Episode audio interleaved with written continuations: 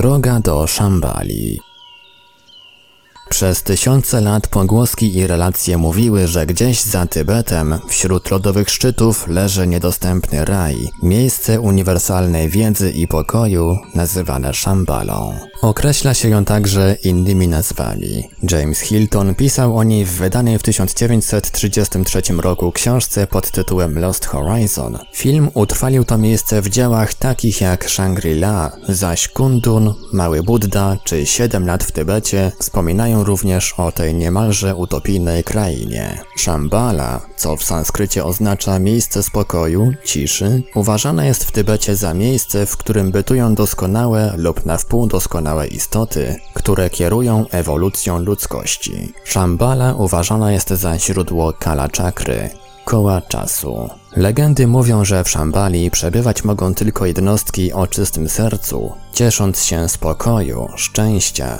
i nie znając cierpień ani starości. Jej mieszkańcy są długowieczni i mają piękne ciała. Noszą przy tym niezwykłe stroje i posiadają wiele niezwykłych zdolności.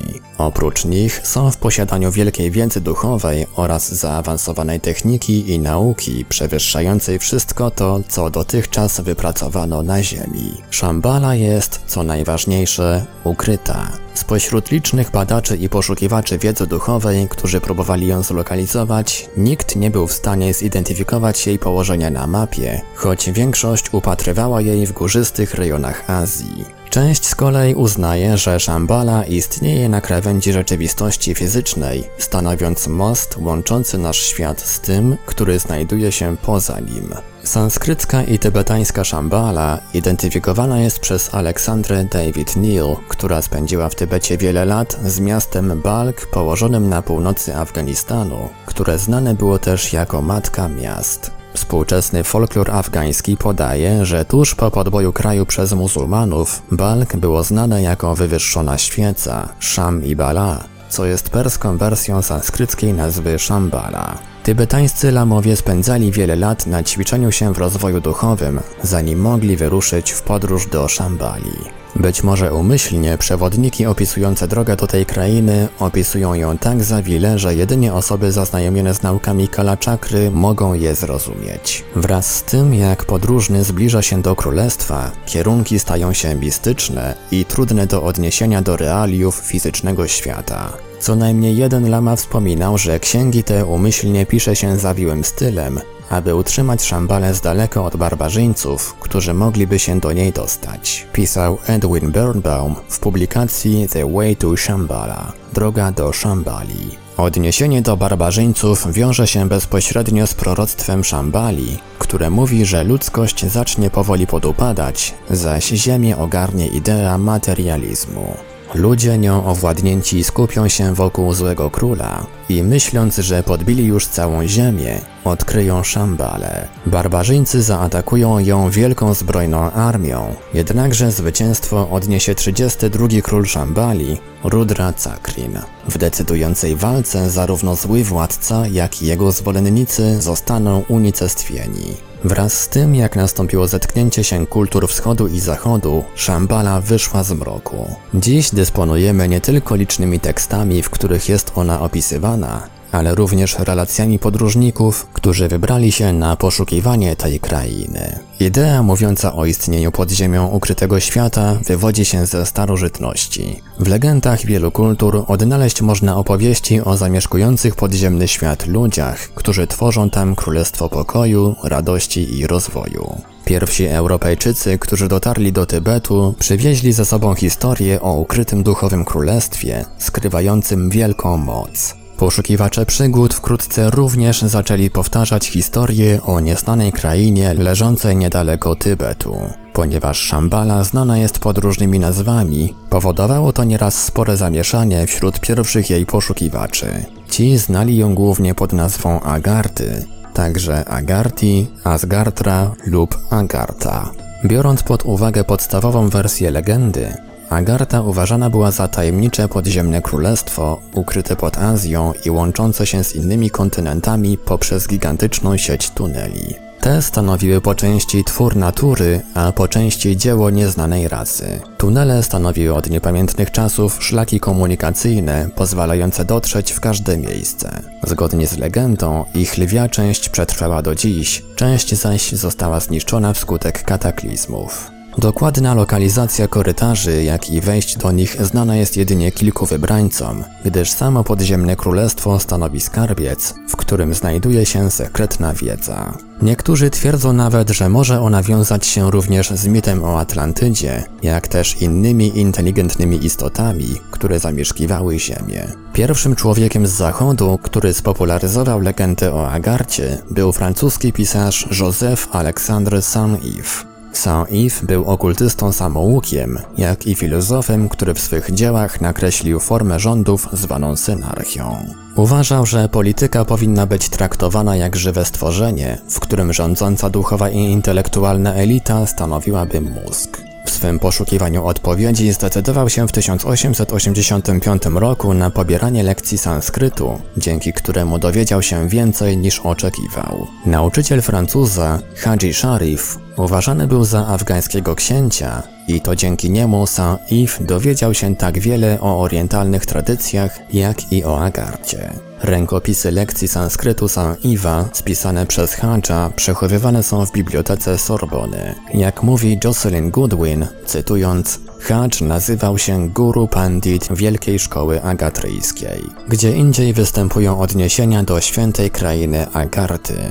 W czasie nauki poinformował on Saint-Yves'a, że jego szkoła zachowała pierwotny język ludności i jego 22-literowy alfabet zwany Watan albo Watanian. Koniec cytatu. Francuz odkrył wkrótce, że dzięki treningowi jest w stanie otrzymywać myślowe wiadomości od rezydującego w Tybecie Dalaj Lamy, jak też odbywać duchowe podróże do Agarty. Szczegółowe opisy tego odnaleźć można w stworzonej przez niego serii pod tytułem Misje. Mission de Souverain, Mission de Ouvry, Mission de Juif i Mission de Lind. Z ostatniej z pozycji dowiadujemy się, że Agartha jest ukrytą krainą leżącą gdzieś na wschodzie, którą rządzi władca wspomagany przez dwóch kolegów, Mahatmę i Mahangę. Jego królestwo, jak wyjaśnia Saint-Yves, zostało przeniesione pod ziemię i zamknięte dla mieszkańców świata około 3200 roku przed naszą erą. Zgodnie ze słowami Saint-Yves'a, magowie z Agarty musieli udać się do piekielnych rejonów, aby pracować nad usunięciem ze świata chaosu i negatywnej energii. Każdy z tych mędrców dokonywał pracy sam, z dala od światła, pod miastami, pustyniami i górami, pisał. Zarówno wtedy jak i dziś Agarta wysyłała do świata rozciągającego się na powierzchni emisariuszy. Kraina cieszyła się także wysoko rozwiniętą techniką, przewyższającą dalece nasze osiągnięcia. W jej bibliotekach skrywała się cała wiedza, gromadzona przez wieki. Wśród zachowanych tam sekretów znajdowały się m.in. odpowiedzi dotyczące związków duszy i ciała, jak też o środkach pozwalających na kontakt dusz zmarłych z duszami żyjących. Dla Saint-Yves'a to nadrzędne istoty z Agarty były prawdziwymi twórcami synarchii, która przez tysiące lat promieniowała z podziemnej krainy na resztę świata, który ją ignorował. Kiedy jednak na świecie zapanuje pożądany ład, ukryte królestwo objawi się samo. Wszystko, co o Agarcie napisał Saint-Yves, wydaje się dla współczesnego czytelnika nieco dziwaczne. Jego relacje przypominają ponadto opisy światów, do których przez wieki w swych podróżach duchowych udawali się wszelkiej maści mistycy. Godwin, znana historyczka ezoteryki, napisała Uważam, że Saint-Yves widział to, co opisywał i z pewnością nie uważał, że historia jest fikcją albo też tworem kogoś innego. Dowodem jest powaga, z jaką odnosił się do sprawy, jak też dalsze publikacje i korespondencja na temat Agarty. Ale zupełnie inną sprawą jest akceptacja tego, czy Agarta jest w równej mierze rzeczywista i namacalna, jak twierdził. Do początku XX wieku legenda o Agarcie pozostawała legendą. Historie o jej istnieniu przetoczyły się przez Europę wraz z publikacją książki Saint-Yves'a, lecz dowody w tej sprawie pozostawały niewyobrażalnie nieuchwytne, a wręcz nieosiągalne. Można było się jednak spodziewać, że w epoce racjonalizmu i materializmu podobne relacje zostaną zepchnięte na margines jako fantazja, którą należy ustawić w jednym szeregu z innymi starożytnymi tajemnicami, w tym historiami zaginionych lądów, jak Atlantyda czy Mu. Mimo to nie przeszkodziło to w zorganizowaniu w latach dwudziestych ubiegłego wieku wypraw, które wyruszyły na poszukiwanie Agarty, kładąc podwaliny pod współczesną wizję i wiedzę o niej. To, na co natrafiły, przewyższało dalece znane do tej pory fakty. Co dziwne, dwaj podróżnicy, o których mowa, nie znali się osobiście, choć obydwaj wyruszyli z tego samego kraju. Byli to Ferdynand Ossendowski oraz Mikołaj Reriś. W początkach ubiegłego wieku Ossendowski pisał, że podczas podróży po Mongolii zauważył, że zarówno ludzie jak i zwierzęta w pewnych momentach zamierali w bezruchu i milcząc czegoś nasłuchiwali. Stada zatrzymywały się i stawały w bezruchu i nastawała cisza, której nie przerywało nawet szczeknięcie psa. Cytując, ziemia i niebo przestawały oddychać. Wiatr nie wiał, a słońce się nie poruszało. Wszystkie żywe stworzenia z przerażeniem rozpoczynęły narzuconą modlitwę, oczekując swego losu.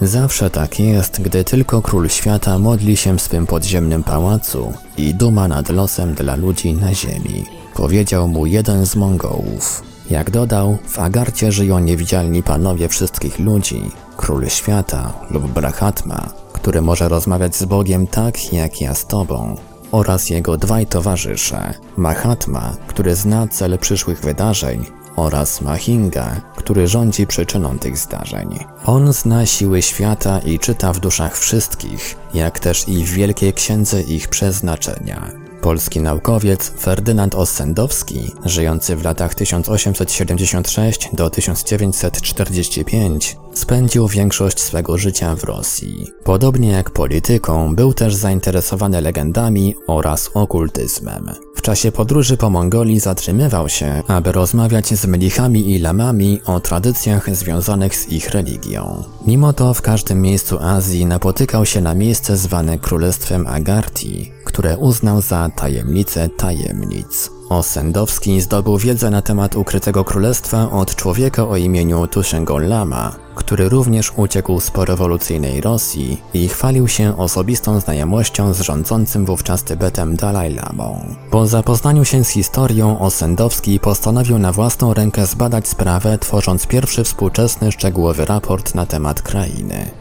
Wydał go w 1922 roku pod nazwą Zwierzęta, ludzie i bogowie. Dziś jest to rzadka i poszukiwana książka. W czasie podróży Tuszegon Lama opowiedział Osendowskiemu o cudownych mocach tybetańskich mnichów, a szczególnie Dalaj Lamy, które ludzie zachodu z trudnością mogli pojąć. Potem okazało się jednak, że istnieje również ktoś znacznie bardziej potężniejszy i święty, król świata w Agarcie. W tym czasie, jak mówi Osendowski, Tybetańczyk nie był skłonny do odpowiadania na pytania, zostawiając Polaka w tłumanie kurzu za swym koniem. Na odpowiedzi przyszło mu czekać jeszcze kilka miesięcy. Jakiś czas później inny Tybetańczyk, Chultun Bailey, opowiedział polskiemu podróżnikowi o tym, jak sześć tysięcy lat temu święty człowiek poprowadził swoich ludzi głęboko w głąb ziemi. Po osiedleniu się gdzieś pod środkową Azją, dzięki mądrości i potędze świętego człowieka, jak i pracowitości jego ludu, Agarta stała się niemalże rajską krainą. Jej ludność liczyć miała miliony, wszyscy zaś żyli w szczęściu i dostatku. Książę Chultun Bailey mówił również, że z królestwa rozchodzą się podziemne korytarze obejmujące cały świat. Ci podziemni ludzie i krainy są władane przez osoby stowarzyszone z królem świata. Wiedz, że na dwóch wielkich oceanach, na wschodzie i zachodzie, istniały niegdyś dwa kontynenty. Zniknęły one pod wodą, a ludzie, którzy je zamieszkiwali, zeszli do podziemnego królestwa. W tamtejszych pieczarach posiadają specyficzne źródło światła, które pozwala im hodować zboża i warzywa i żyć długo, bez chorób prześladujących ludzkość. Osendowski odnalazł w tych relacjach wiele zastanawiających, jak i dziwacznych szczegółów. Mimo to był przekonany, że natknął się na ślad czegoś, co stanowiło nie tylko legendę, czy też zbiorową wizję. Była to najprawdopodobniej swoista moc, która prawdopodobnie była w stanie wpływać na życie na planecie. Co ciekawe, jak pisze Osendowski, ogromna moc ludu Agarty mogła być wykorzystywana zarówno do niszczenia całych połaci planety, jak i do napędzania zdumiewających środków transportu. Sugerowano nawet, że wydana w latach dwudziestych książka przepowiadała rozwój energii nuklearnej oraz epokę latających spotków, na długo nim obie stały się prawdą. Osendowski zakończył książkę przepowiednią dotyczącą Króla Świata, w której jest mowa o tym, że na Ziemi zapanuje materializm, zaś jej narody przetrzebią straszliwe bitwy.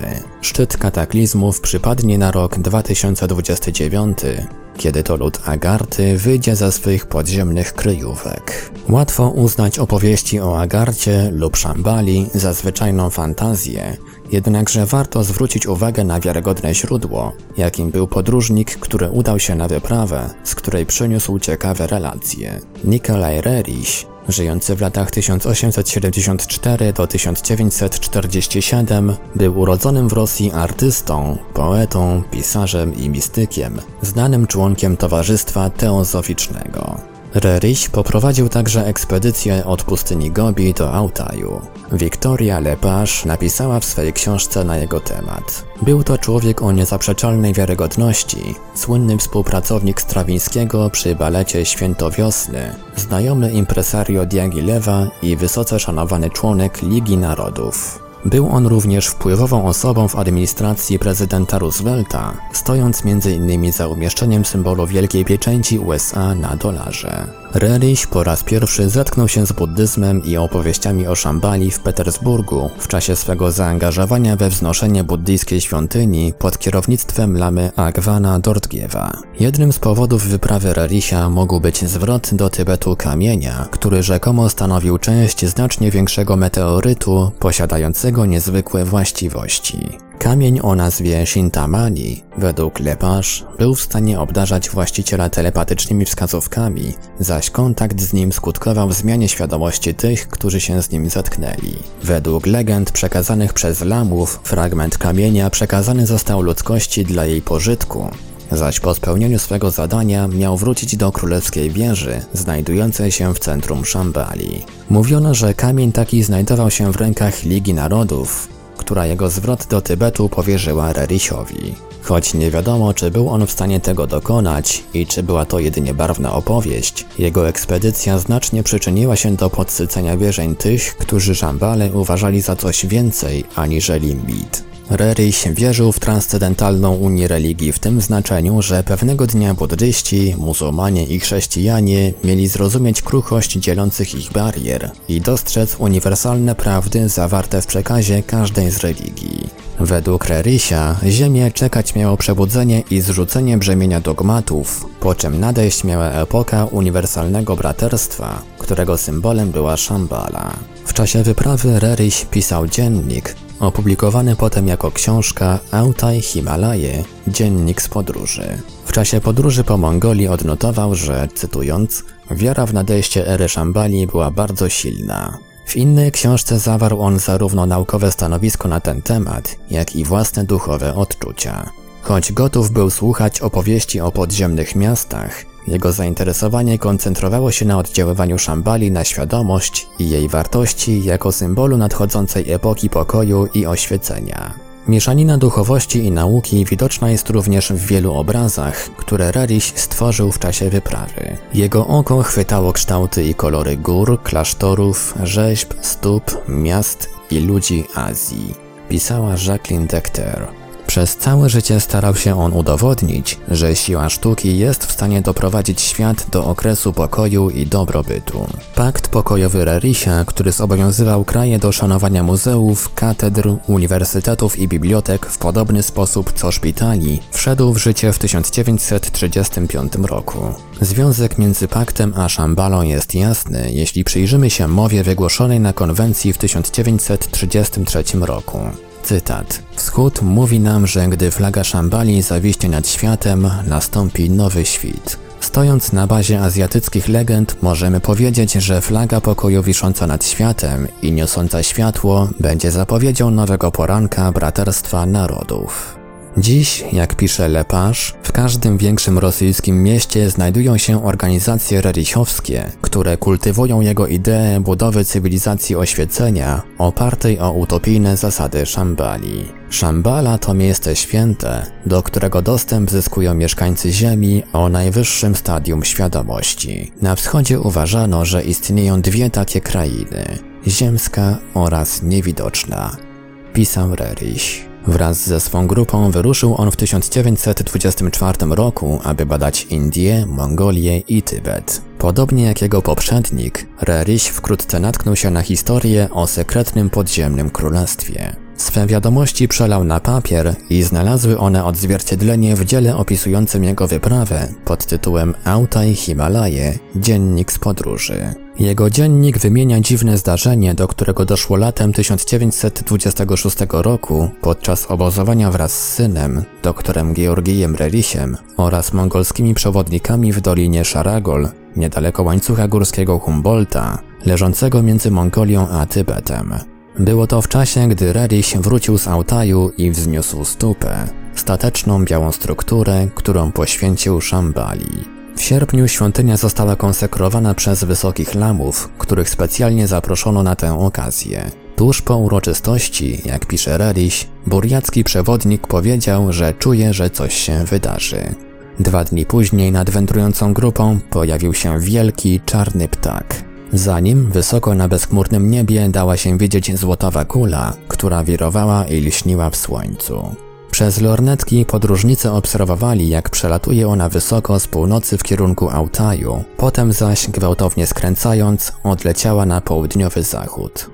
Jeden z lamów powiedział Rarichowi, że to, co widzieli, było znakiem Szambali, podkreślając, że misja uzyskała błogosławieństwo samego króla. Oprócz tego Rerich i ekipa byli świadkami klasycznej obserwacji UFO 20 lat przed słynną obserwacją Kenneta Arnolda z 1947 roku. Obserwacja złotego obiektu wzbudziła w Europie duże zainteresowanie, utwierdzając niektórych w przekonaniu, że Rerich jako pierwszy odnalazł dowód na to, że w Azji może czaić się coś trudnego do wyjaśnienia. W swej barwności i rzeczywistości dziwaczna, ale również niewątpliwa obserwacja złotego statku powietrznego, który zachowywał się w niezwykły sposób, udowadnia, że relacja Rericha może być nazwana pierwszą wiarygodną informacją wskazującą na fakt, że Królestwo Szambali ujawniało się nie tylko jako naukowa ciekawostka, czy azjatycka legenda, pisała Victoria Lepage. Zjawiska paranormalne, w tym obserwacje UFO, częstokroć wiąże się z odmiennymi stanami świadomości, które pozwalają świadkom na podróże do innych rzeczywistości. Często są to doświadczenia porównywalne ze świadomym śnieniem, gdzie powszechne obciążenia związane z czasoprzestrzenią zdają się nie istnieć. Wschodnia wiedza i mistycyzm może zupełnie różnić się od naukowego stanowiska ludzi z zachodu. Może okazać się, że przewodniki wskazujące drogę do Szambali opisują krajobraz zmieniany przez wizję tych, którzy odbywali tam wędrówki. Tam, gdzie my dziś widzielibyśmy szczyt góry bielejący w słońcu, oni upatrywaliby świątyni Boga. W tym przypadku okazuje się, że moglibyśmy co prawda podążać jedną drogą, jednak z zupełnie odmiennym spojrzeniem na rzeczywistość. Podróż do Szambali, którą odbył Rerich, była jednocześnie wyprawą mistyczną do wnętrza siebie, jak i podróżą przez górskie pustkowia w kierunku siedziby wielkich mocy. Stara tybetańska historia opowiada o młodym człowieku, który wyruszył, aby szukać Szambali. Po przejściu wielu gór natknął się na starego pustelnika, który zapytał go, czemu brniesz przez te śniegi? Aby dotrzeć do Szambali, Odpowiedział. Zatem nie musiałeś iść tak daleko, odrzekł pustelnik. Królestwo Szambali ukryte jest przecież w tobie. Autor Jason Jeffrey New Dawn Magazine newdawnmagazine.com.au Tłumaczenie i opracowanie Portal Infra www.infra.org.pl Czytał Ivelios